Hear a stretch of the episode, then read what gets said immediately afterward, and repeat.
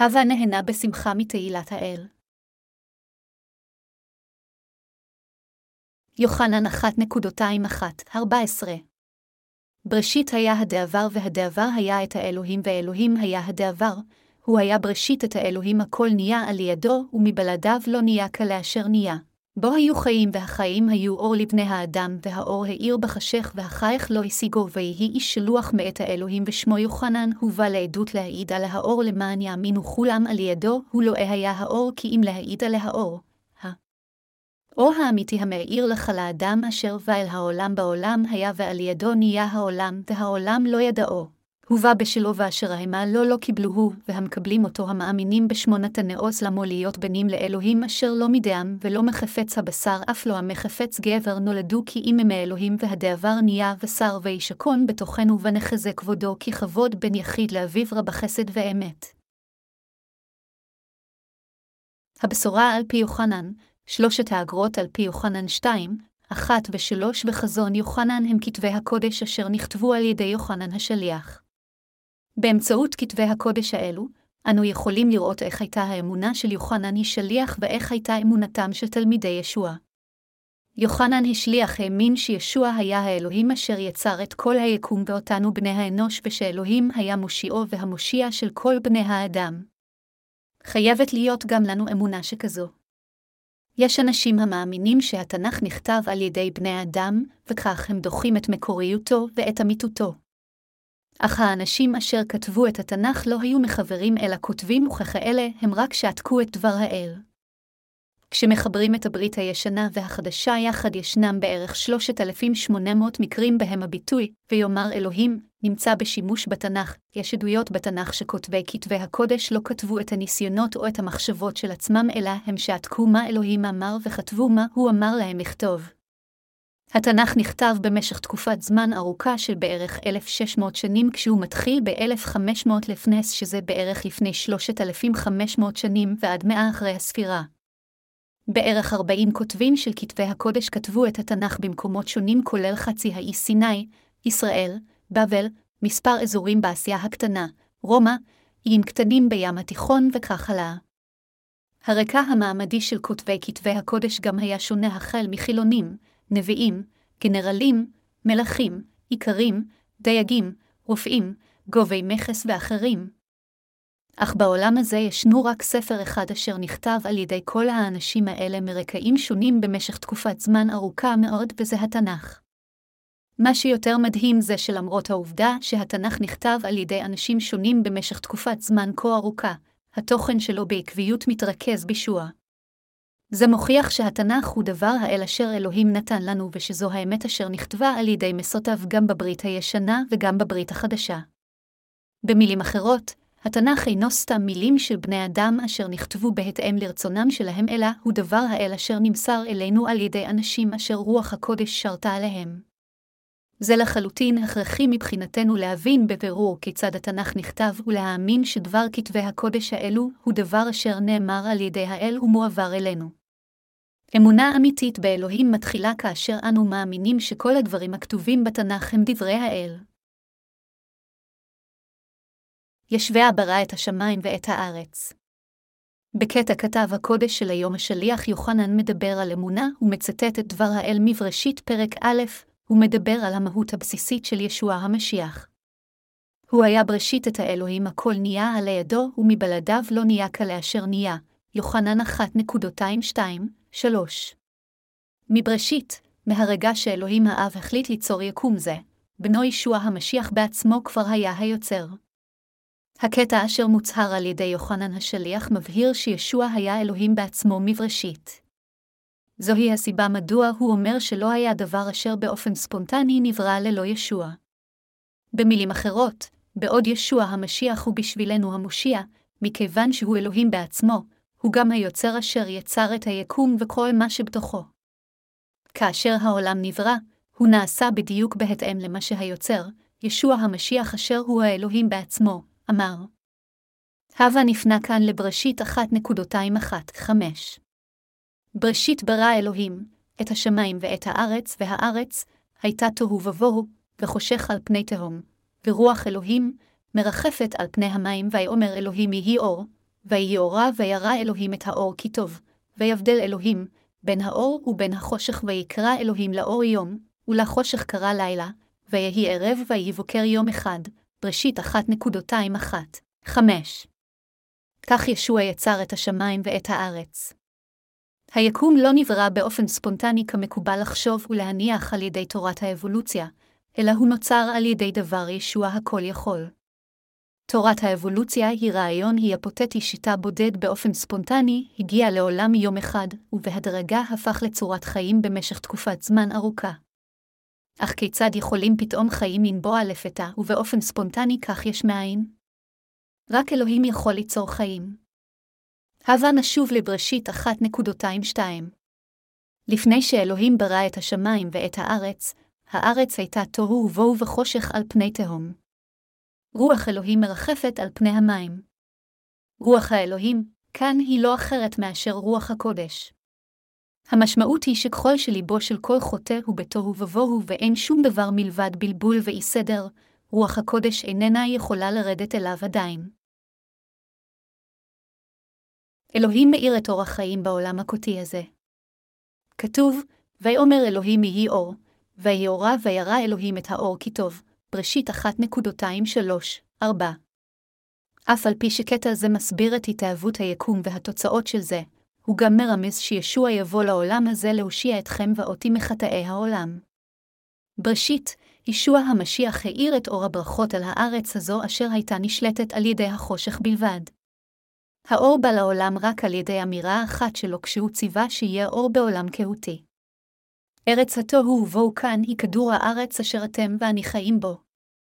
אם מדברים מבחינה רוחנית, זה גם רמז ללבכם ומוחכם. המשמעות של זה היא שמרגע שאנו נולדים בעולם הזה, ליבנו היה תוהו ובוהו וחשוך מאוד.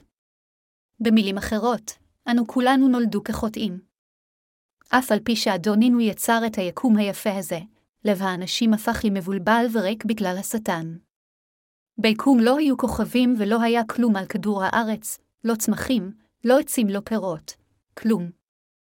רק חושך תהומי וכאוס מלא. החושך מרמז על ליבם של כולם כאשר נולדים כצאצאים חוטאים של אדם. הלב האנושי ועולם זה נשלט על ידי בלבול וחושך, אך כאשר אלוהים אמר, יהי אור, אור הישועה יכול היה לבוא ללב בן האדם, ואלוהים ראה שאור זה כי טוב. אלוהים הבדיל בין האור ובין החושך, וקרא לאור יום ולחושך קרא לילה, וכאשר הערב והבוקר הגיעו היה זה היום הראשון. לאלוהים האב לקח סך הכל שישה ימים ליצור את היקום, ובמשך כל הזמן הזה את כל העבודה הזו הוא עשה יחד עם בנו ישוע המשיח. ישוע המשיח הזה הוא האחד אשר בא לעולם הזה כבן אדם כדי להושיע אתכם ואותי מחטאי העולם.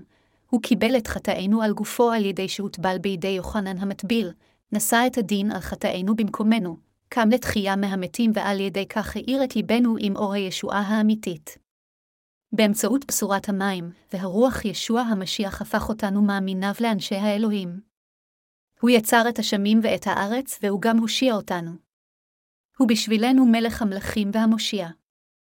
על ידי ישוע המשיח עולם זה נושע מהחטא. חייבת להיות לכם אמונה נכונה היודעת שישוע הוא בעצמו אלוהים. אסור לכם ולי לחשוב על ישוע המשיח כאותה בריאה כמותנו. אל לנו אפילו להשוות אותו לחכמים כמו בודהה, קונפוציוס, מנזיוס או סוקרטס אשר חיו בעולם הזה לזמן קצר. זה לחלוטין הכרחי מבחינתכם להבין ולהאמין שישוע המשיח הוא האל אשר יצר את היקום הזה ואת כל מה שבתוכו.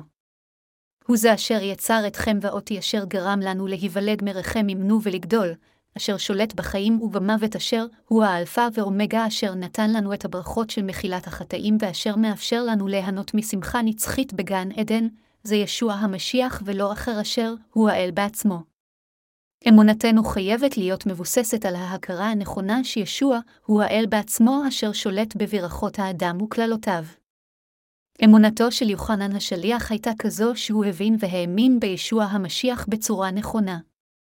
הוא האמין שישוע המשיח היה יחד עם אלוהים האב מבראשית, שהיקום הזה וכל אשר בו נבראו באמצעות ישבעה ושכל החוטאים יכולים לקבל את מחילת החטא על ידי האמונה בו שבא על ידי המים והרוח.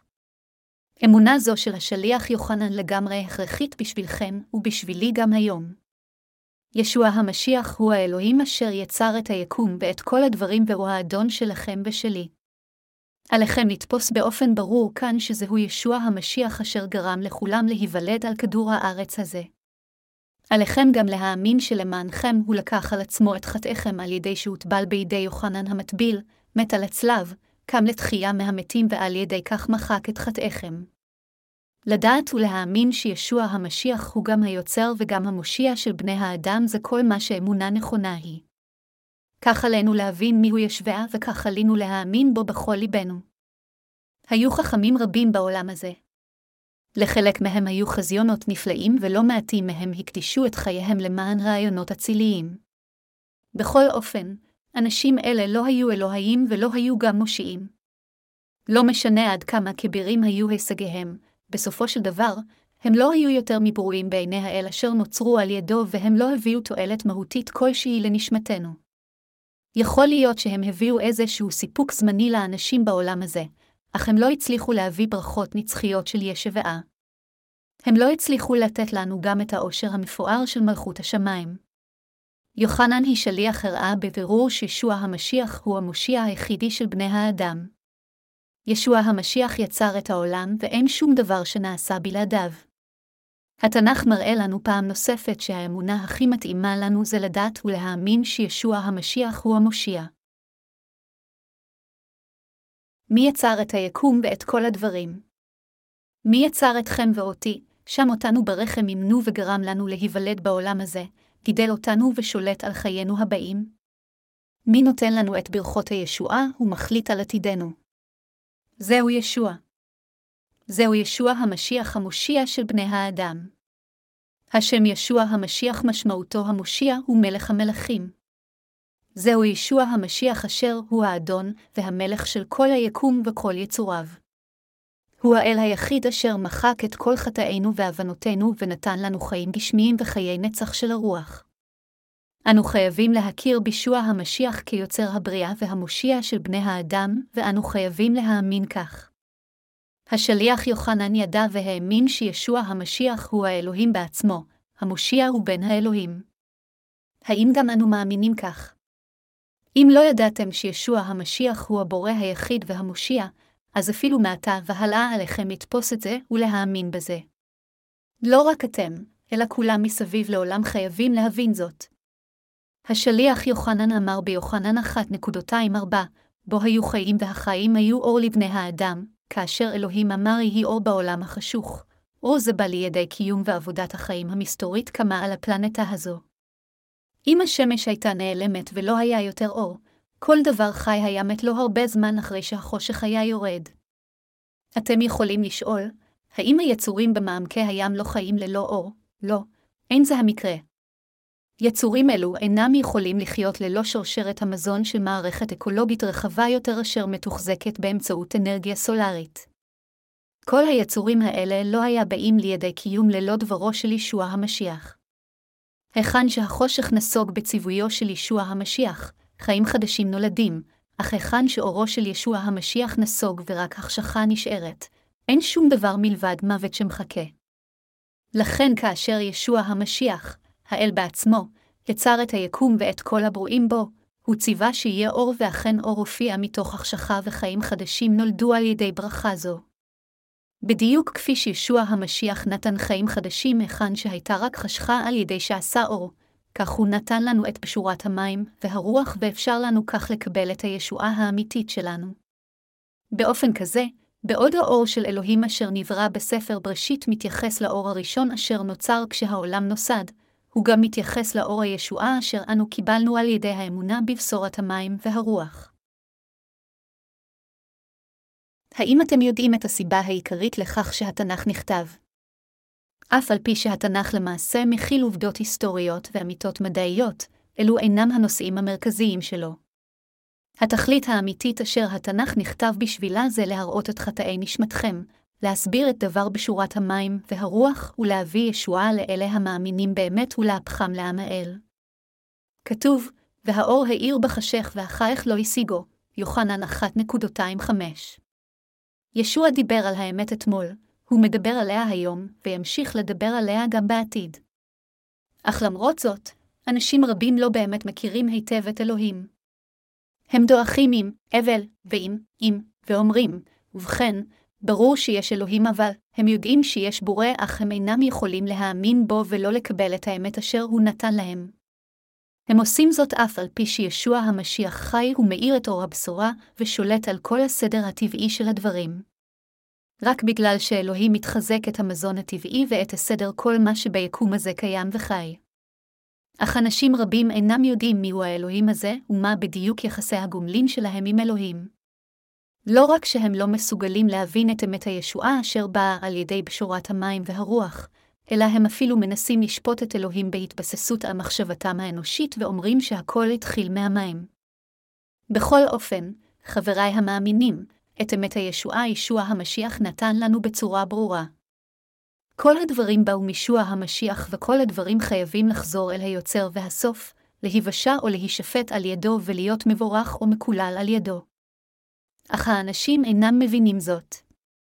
אין להם מושג עד כמה כבירה היא הישועה של בשורת המים והרוח אשר בוצעה על ידי ישוע, כיצד אהבה זו כבר הוענקה עלינו בשפה באמצעות בשורת אמת זו, וכיצד המשיח הושיע אותנו וכיסה אותנו באהבתו.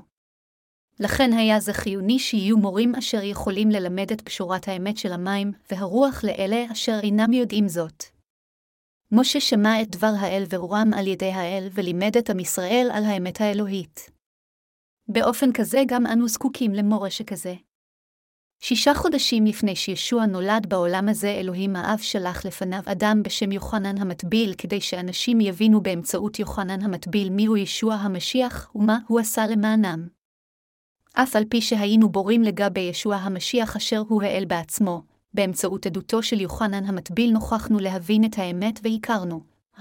זהו ישוע המשיח.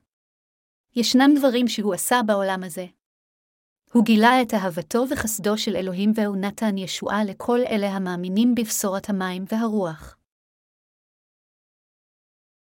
יוחנן המטביל, איש שנשלח מהשמיים.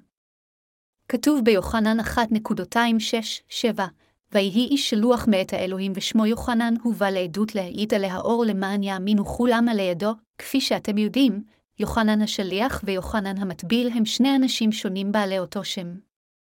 כפי שאנו רואים גם שכותב הבשורה על פי מרקוס שמו יוחנן, מעשה השליחים 12 ו-12 דקות, יוחנן היה שם מאוד נפוץ בימים ההם. זה נפוץ למדי שאנשים שונים יהיו בעלי אותו שם, כמו יוחנן, רוברט, ג'יין, וכך הלאה. למרות ששניהם בעלי אותו שם, התנ"ך קורא לראשון יוחנן המטביל כיון שהוא האחד אשר הטביל את ישוע. חוץ מלחלוק אותו שם, יוחנן המטביל אינו אותו אדם כמו יוחנן השליח אשר נקרא על ידי ישוע המשיח להיות אחד מתלמידיו והעיד על בשורת המים והרוח. נאמר, הוא בא לעדות להעיד על האור למען יאמינו כולם על ידו, יוחנן 1.27. יוחנן המטביל נשלח לעולם זה לפני ישביה והעיד על האור. מה הפירוש של אור זה? בדיוק כפי שאור השמש הכרחי לכל מה שחי לגדול, ישוע המשיח הוא האור אשר שולט בכל החיים אשר הושיע את כולם. תפקידו של יוחנן המטביל היה להעיד על האור הזה. אף על פי שישוע המשיח הוא אלוהים בעצמו, הוא באופן אישי בא לעולם הזה ומחק את כל החטאים למענכם ולמעני אנו אשר חיים בחטא. מכיוון שישוע המשיח קיבל את כל חטאינו אחת ולתמיד באמצעות טבילתו ומת על הצלב במקומנו על חטאים אלו, הוא האור אשר נתן לנו חיים חדשים. תפקידו של יוחנן המטביל היה להעיד על עבודה זו של ישוע. הוא נשא עדות על כל עבודת הישועה אשר התבצעה על ידי ישוע המשיח והעיד כיצד הוא לקח על עצמו את כל החטאים באמצעות טבילתו וכיצד הוא מת על הצלב כשהוא מחטיף חטאים אלה. באופן כזה, אף על פי שאנו קיבלנו את ישוע המשיח כמושיענו, לעולם לא תוכל להיות לנו אמונה אמיתית אם נזניח בצד את תפקידו של יוחנן המטביל. בכל אופן, אנשים רבים חושבים בטעות שיוחנן המטביל הוא כישלון.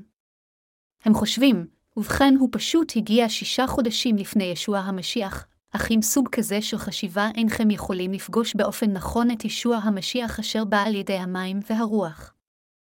כדי להאמין באופן נכון בישוע המשיח אשר בא על ידי המים והרוח אתם חייבים לשמוע לעדות הטבילה אשר העיד עליה יוחנן המטביל.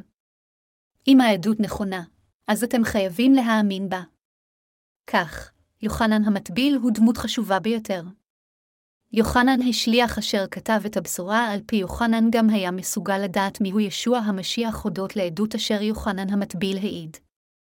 הוא היה מסוגל להבין שישוע המשיח הוא המשיח שעמו חיכה לו, והוא היה גם מסוגל להבין את המשמעות האמיתית של טבילת ישוע ומותו על הצלב. בהתחשב בעובדה זו אפילו יוחנן היא שליח, תלמידו של ישוע, פגש את ישוע ונוכח להאמין בו באמצעות עדותו של יוחנן המטביל, עד כמה חשובה היא ביותר עדות זו בשבילכם ובשבילי. אם נתעלם מתפקידו של יוחנן המטביל, זה יהיה פשוט בלתי אפשרי בשבילכם ובשבילי לפגוש את ישוע אשר בא על ידי פשורת המים והרוח. מבלי להאמין בעדות של הטבילה אשר יוחנן המטביל נשא, זה אפילו יותר בלתי אפשרי להגיע לישועה מאשר גמל שיעבור את חור המחט ולהשאיר להיכנס למלכות האלוהים. כל מי שאינו מאמין בעדותו של יוחנן המטביל אינו יכול להיתקל בבשורת המים והרוח. יוחנן המטביל העיד על האור. מיהו האור הזה? זהו ישוע המשיח אשר בא על ידי המים והרוח. מיהו אור הישועה האמיתי בשביל נשמתכם? שוב, זהו ישוע המשיח אשר בא על ידי המים והרוח. זהו ישוע המשיח הזה אשר יוחנן המטביל העיד עליו. בכל אופן, עם ישראל בזמן ההוא לא האמינו בכך. אף על פי שהעולם נברא על ידי ישוע, אמו לא קיבל אותו כאשר הוא בא לעולם הזה. אף על פי שהם חיכו למשיח, כאשר המושיע ישוע למעשה בה הם לא האמינו בו כיוון שלא הכירו אותו. יוחנן המטביל העיד להם, אף אחד מלבדו הוא שע האלוהים. הוא בן האלוהים אשר לקח את חטאינו כמו קורבן עשה בברית הישנה, מחק אותם, וכך הפך אותנו לאנשי האלוהים והגשים את מלכות האלוהים. הוא המושיע של בני האדם. הוא משיח אשר חיכיתם לו, הוא צאצאו של אברהם אשר בא באמצעות שבט יהודה אחד משנים עשר בני של יעקב. הוא המלך אשר יבוא בזמנו. אך למרות זאת, בני ישראל עדיין לא האמינו. מדוע אם כן הם לא האמינו? הם לא האמינו כיוון שהם שפטו את ישוע במונחים גשמיים רק דרך העיניים האנושיות שלהם. כמו שורש בארץ יבשה, צורתו החיצונית של ישוע לא הייתה אטרקטיבית. ישוע תואר כשורש מאדמה יבשה, ישעיהו 53.22. כיצד אם כן, הייתה צורתו החיצונית? הוא בטח היה גבוה ושנית הוא בוודאי היה מאוד רזה. כאשר אתם מסתכלים על ציורים מסוימים של ישוע המשיח אשר נחקרו בבית המשפט של פילטוס, אתם תהיו נדהמים עד כמה כחושות היו פניו נראות. מישהו שהוא רק שלד שאין שום דבר אטרקטיבי במראה החיצוני שלו, זה מי שישוע היה. נולד בבית לחם כפי שנובע וגדל בנצרת, ישוע לקח את חטאי פני האדם אחת ולתמיד על ידי שהוטבל בידי יוחנן המטביל בגיל שלושים כדי למלא את כל צדקת האלוהים בהתאם לדבר האל. בכל אופן, עם ישראל לא האמין בישוע. הם לא האמינו אף על פי שיוחנן המטביל העיד ואמר להם, הנה שהאלוהים הנשא חטאת העולם, יוחנן 1.29, ישוע בא לעולם הזה באופן אישי אך בני ישראל, אמו שלו, לא קיבלו אותו. בכל אופן יוחנן היא שליח המשיך להגיד, והמקבלים אותו המאמינים בשמונת הנעוז למו להיות בנים לאלוהים אשר לא מדעם ולא מחפץ הבשר אף לא המחפץ גבר נולדו כי אם מאלוהים, יוחנן 1.2.12-13. קטע זה הוא אחד מהפסוקים המועדפים אשר נוצרים משענים, והמקבלים אותו המאמינים בשמונת הנעוז למו להיות בנים לאלוהים, יוחנן 1 ו-12 דקות. יוחנן השליח העיד שישוע המשיח, האור, בא לעולם הזה, נשא את כל חטאינו אחת ולתמיד על ידי שהוטבל, נשא את כל החטאים של עולם זה שלכם ושלי אל הצלב, נצלב, שפך את דם חייו, קם לתחייה מהמתים ועל ידי כך הושיע אותנו מכל חטאי העולם. יוחנן השליח אמר גם שאלה אשר קיבלו לתוך ליבם את ישוע המשיח אשר בא על ידי בשורת המים והרוח, אלוהים נתן להם את הזכות להפוך לילדיו. במילים אחרות, אלוהים האב נותן זכות שכזו לאלה המאמינים בישוע המשיח אשר בא על ידי בשורת המים והרוח. אנו חייבים להאמין שישוע אינו רק המושיע של עם ישראל, אלא הוא המושיע של כל הגזע האנושי. יוחנן המטביל העיד על טבילת ישוע המשיח דמו על הצלב, מותו ותחייתו מהמתים. לכן, על ידי האמונה, כולם בעולם זה חייבים לקבל אותם לתוך ליבם. הזכות להפוך לילדי האל ניתנת לכל אלה המאמינים בישוע המשיח אשר נצלב בעודו מחטיף את חטאי העולם אשר הוא נשא באמצעות טבילתו. לכן אנו חייבים לקבל את אור הישועה האמיתי הזה. ישוע המשיח קיבל את חטאיכם ואת חטאי על ידי שהוטבל בידי יוחנן המטביל. טבילת ישוע המתוארת במתי 3.213-17 היא מה שהעבירה את חטאיכם אל ישוע המשיח והוא נשא חטאים אלה אל הצלב.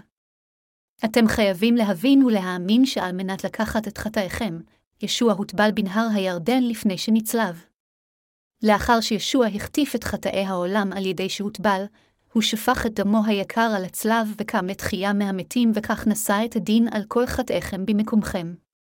לכן את יכולים להגיע לישועתכם רק אם תאמינו בבשורת המים, והרוח אשר המשיח המושיע אתכם בדרך זו. אתם חייבים לקבל את ישוע המשיח, או הישועה, לתוך לבכם עם הבנה נכונה של בשורת המים והרוח. אתם חייבים לקבל אותו לתוך לבכם. זכרו של אלה המאמינים בבשורת המים והרוח אלוהים נתן את הזכות להיות ילדיו. האם קיבלתם את ישבעה המשיח כמושיעכם? האם אתם מאמינים בלבכם שישוע הוא אכן מלך המלכים והמושיע שלכם? הוא בו זמנית מלחנו ונביאנו, ובאותו זמן גם הכהן הגדול של מלכות השמיים. ישוע בא לעולם הזה כשהוא מגולם בגוף אדם, נשא את חטאי בני האדם, לא על איזושהי חיית קורבן אלא על גופו שלו, מת על הצלב, קם לתחייה מהמתים ועל ידי כך הפך למושיענו האמיתי. הוא הפך למושיע של כל אלה המאמינים בבשורת המים והרוח. לאלה המאמינים ישוע נתן את הזכות להפוך לילדי האל. אני מאמין באמת זו. האם גם אתם מאמינים בבשורת המים והרוח? האם קיבלתם את פשורת המים והרוח לתוך לבכם?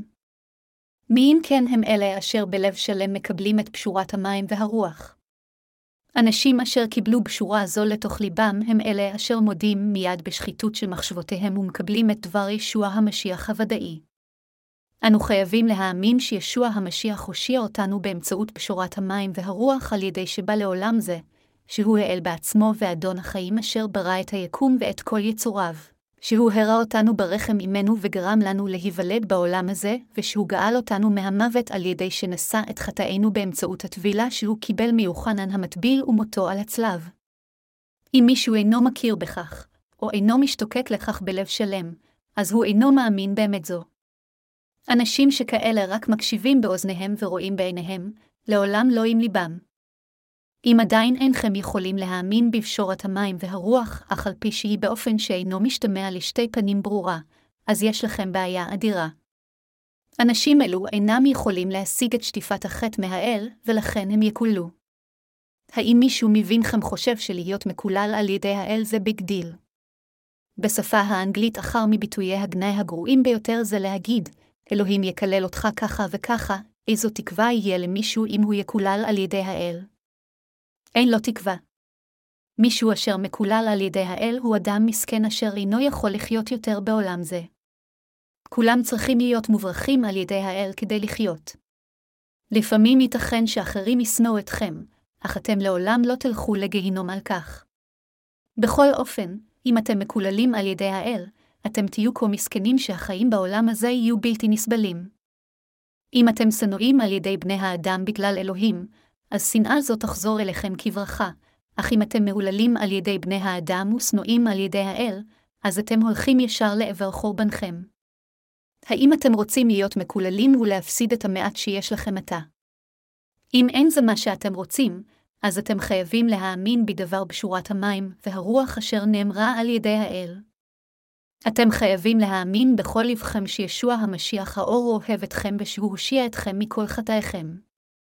אתם יכולים להיות מבורכים רק אם אתם תקבלו ותאמינו בדבר האמת הזה שישוע המשיח אשר יצר את היקום ואת כל ברואיו ואשר הוא האדון שלכם, הוא המשיח אשר הושיע אתכם. התנ"ך אומר, המקבלים אותו המאמינים בשמונת הנעוז למו להיות בנים לאלוהים, יוחנן אחת ושתים עשרה דקות. מה אם כן לגביכם? האם באמת קיבלתם את הזכות להפוך לבניו של אלוהים באמצעות פשורת המים והרוח? אלוהים ייתן לכם זכות כזו ברגע שתאמינו בלבכם בדבר פשורת המים והרוח. כל מי שמאמין בישועה של ישוע המשיח, כוחו ואהבתו הופך לילדו של אלוהים. על ידי כוח בשורת המים והרוח האדם הופך לילדו של האל. אם האדם הופך לילדו של האל על ידי האמונה, אז יש לו את השלטון של האל. אפילו בעולם החילוני, ילדיהם של רבי העוצמה נהנים מזכויות רבות. בהתחשב בעובדה שאלוהים הוא אבינו, האם תהיה איזו זכות שלא נוכל ליהנות ממנה? כמובן שלא. לכן זה חשוב עד מאוד מבחינתכם לקבל את ישוע. את מי קיבלתם? את מי קיבלתם באמת בשמחה?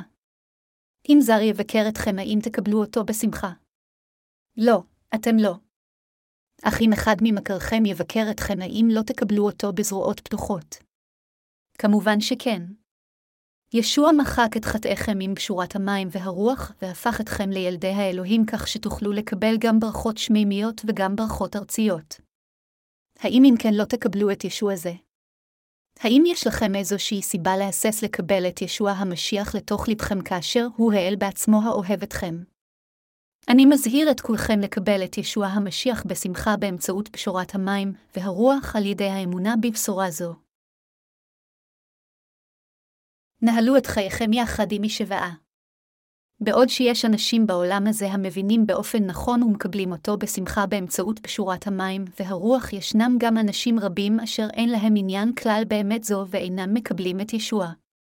ישנו פתגם בקוריאה האומר, מלח שנמצא על שולחן המטבח טעמו מלוח רק כאשר הוא בעצם משמש לבישול, באופן דומה, כאשר אתם שומעים את דבר האל האומר שישוע מחק את כל חטאינו בשבילנו עם בשורת המים והרוח ואפשר לנו להפוך לילדי האלוהים, אתם חייבים להביא דבר זה ללבכם ולהאמין בו.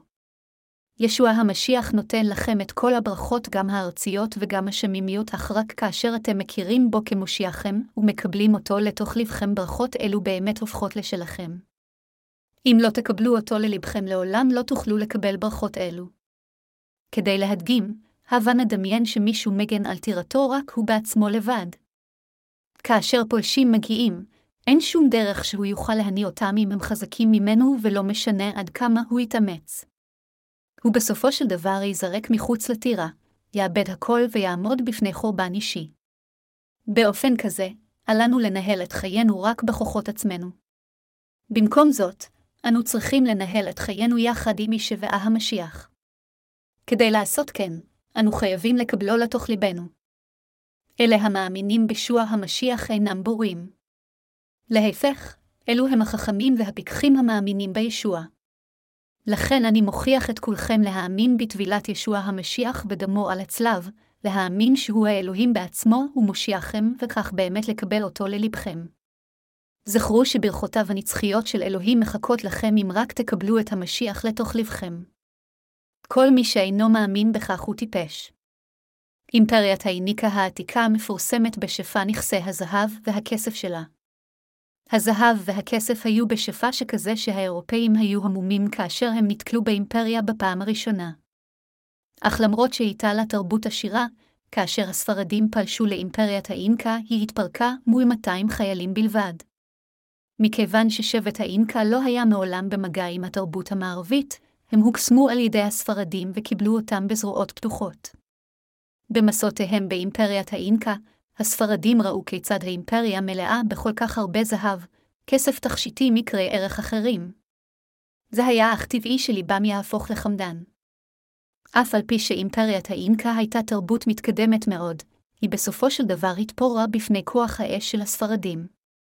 זה היה הכישלון של האינקה להעריך את ערכו של הזהב ולהפוך אותו לשלהם, אף על פי שהוא היה כל כך לא יסולא בפז.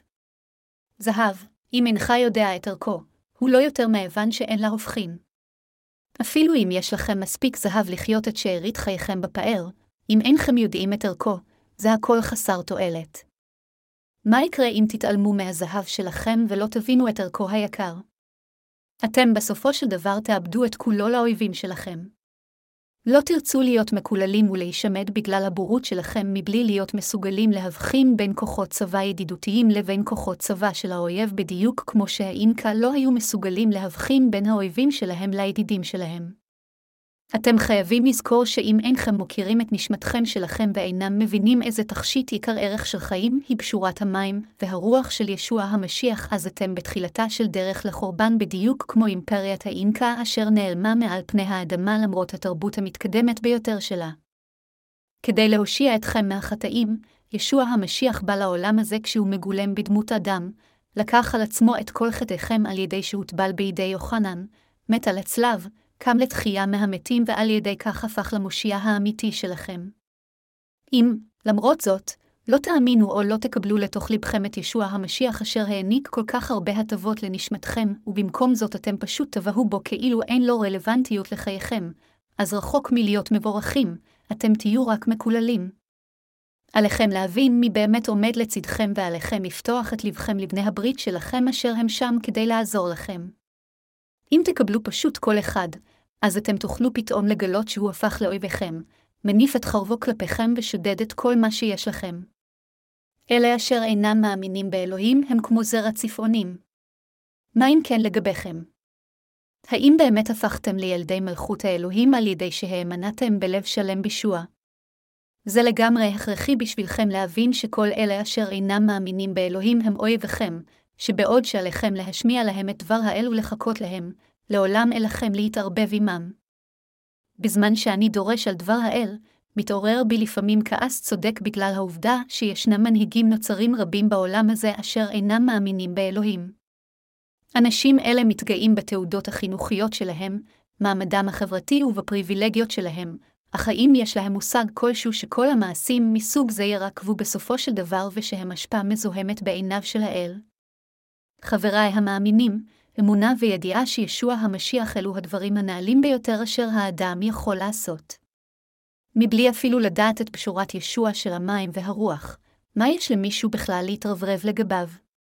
להתרברב בכוח גשמי מבלי להכיר את ישוע זה לא יותר ממעשה טיפשי. חבריי המאמינים, להאמין בישוע המשיח אין זה אומר לקבל ולהכיר בו כמושיע רק כדי לקבל ברכות גשמיות. הדרך היחידה בשבילנו לקבל את מחילת החטא ולהפוך לילדיו של האל זה לקבל את ישוע המשיח כמושיענו אשר בא אלינו על ידי בשורת המים והרוח. אלה אשר תפילותיהם מתקבלות בעולם הזה הם רק אלה המאמינים בבשורת ישוע המשיח של המים והרוח. רק הם יכולים לקבל את הברכות הניתנות על ידי האל ולגלות את חסדו ותהילתו. אלה אשר קיבלו את ישוע לתוך ליבם הם אלה היודעים ומאמינים שישוע המשיח, אשר בא אלינו על ידי פשורת המים והרוח, הוא האחד אשר נתן לנו ישועה. אנו חייבים עתה להבין את האמת הזו ולקבל את ישוע הישות העליונה לתוך ליבנו. הזכות להפוך לילדי האל זה לא משהו אשר מושג על ידי ייחוס משפחתי כמו כן, הוא אינו מושג על ידי ליבוי של רגשות אנושיים. הוא גם אינו מושג באמצעות מסורת דתית של המשפחה וגם לא על ידי שאומרים, מכיוון שההורים שלי האמינו, גם אני מאמין בישוע, התנ"ך אומר שילדי האלוהים הם אלה אשר נולדו מחדש לא על ידי הדם ולא על ידי רצון הגוף וגם על ידי רצון האדם, יוחנן אחת ושלוש עשרה דקות, אלא על ידי האמונה בבשורת המים והרוח. יוחנן שלוש נקודותיים חמש. עליכם להאמין בבשורת המים והרוח למען תועלתו של מישהו אחר, אלא אתם חייבים להאמין בה מתוך בחירה שלכם. אינכם יכולים להגיד, בסדר, גם אני אאמין רק בשבילך.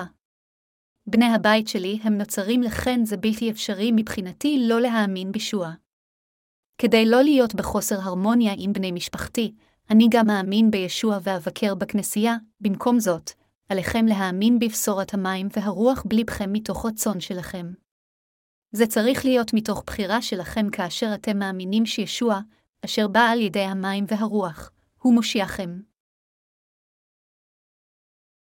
אלה הנולדים מחדש מהמים, והרוח יהנו מתהילה עם האל. המשמעות של זה הנולד מהאלוהים היא כדלהלן, אלוהים האב אהב את העולם כל כך שהוא שלח את בנו לעולם זה, ובאמצעות בשורת המים והרוח הוא הושיע אתכם ואותי מחטאי העולם, כאשר אתם מאמינים בישוע המשיח הזה אשר בא מאלוהים האב כמושיעכם, אתם נולדים שוב כילדי האלוהים. בדרך זו אתם מבורכים על ידי האל. ישוע המשיח הבטיח שהוא יבוא לעולם הזה כצאצא של אישה, ויהפוך למושיענו, בראשית שלוש וחמש עשרה דקות. בהתאם להבטחה זו, הוא אכן בא לעולם הזה והגשים את כל דבר האל המובטח. המשמעות שישוע נולד מאלוהים היא שהוא אלוהים בהתגלמותו. במילים אחרות, אלוהים הקדוש נולד בעולם הזה כשהוא מגולם בגוף אדם. מדבר האל, אנו פגשנו את ישוע המשיח הזה, ואנו נוכחנו להבין שהוא אכן בן האלוהים וכן שבאמצעות בנו, אלוהים האב נתן לכם ולי את מתנת הישועה כדי להפוך לילדיו. כל הדברים האלו באו בגלל בשורת המים, והרוח אשר הושיעה אתכם ואותי. באמצעות דברו, אלוהים אפשר לנו לדעת שישועה זו אינה שקרית אלא אמת לאמיתה, והוא אפשר לנו להאמין בה. אינני יכול להטיף על משהו אחר מלבד בשורת המים והרוח. מה הפואנטה אם הייתי עומד לפניכם עתה ומדבר על משהו שאינו אמת? אם זה מה שהייתי עושה, לא הייתה שעה כה חסרת משמעות ומקוללת כמו השעה הזו. אם כן, ייתכן שהייתם אומרים, רד מהבמה. הפסק להטיף עכשיו. אני יכול לעשות עבודה טובה יותר כאשר אעמוד מאחורי הדוכן, אם הייתי מטיף על משהו אחר מלבד בשורת האמת של המים והרוח, הייתם מסוגלים להגיד לי את זה. חבריי המאמינים, אתם מומחים בכל מלבד בדבר האלוהים. כל אחד מכם הוא מומחה במשהו, ממשק בית ועד אקדמיה, אומנות, פילוסופיה, חינוך, מכונאות וכך הלאה. באופן כזה, אנו כולנו מומחים באחד מתחומי העולם החילוני, אך מה שהכי חשוב זה שעלינו להפוך למומחים באמונה ולהקשיב ולהאמין בדבר האל אשר בא על ידי בשורת המים והרוח. אני מקווה ומתפלל שאתם כולכם תקבלו כך את בשורת המים והרוח לתוך לבכם בשמחה, תקבלו את ברכות האל בשמחה, תחיו בשמחה ואז תעמדו לפני האל ביום האחרון. הווה, בקיצור, נקבל את שטיפת החטא ונהנה בשמחה מתהילת האל בחיינו. הווה נקבל את ברכות הישועה אשר באו על ידי פשורת המים והרוח. האם אתם מאמינים בבשורה זו, חברי המאמינים? אני שם את אמונתי בבשורת המים והרוח ונותן את כל תודותיי לאל.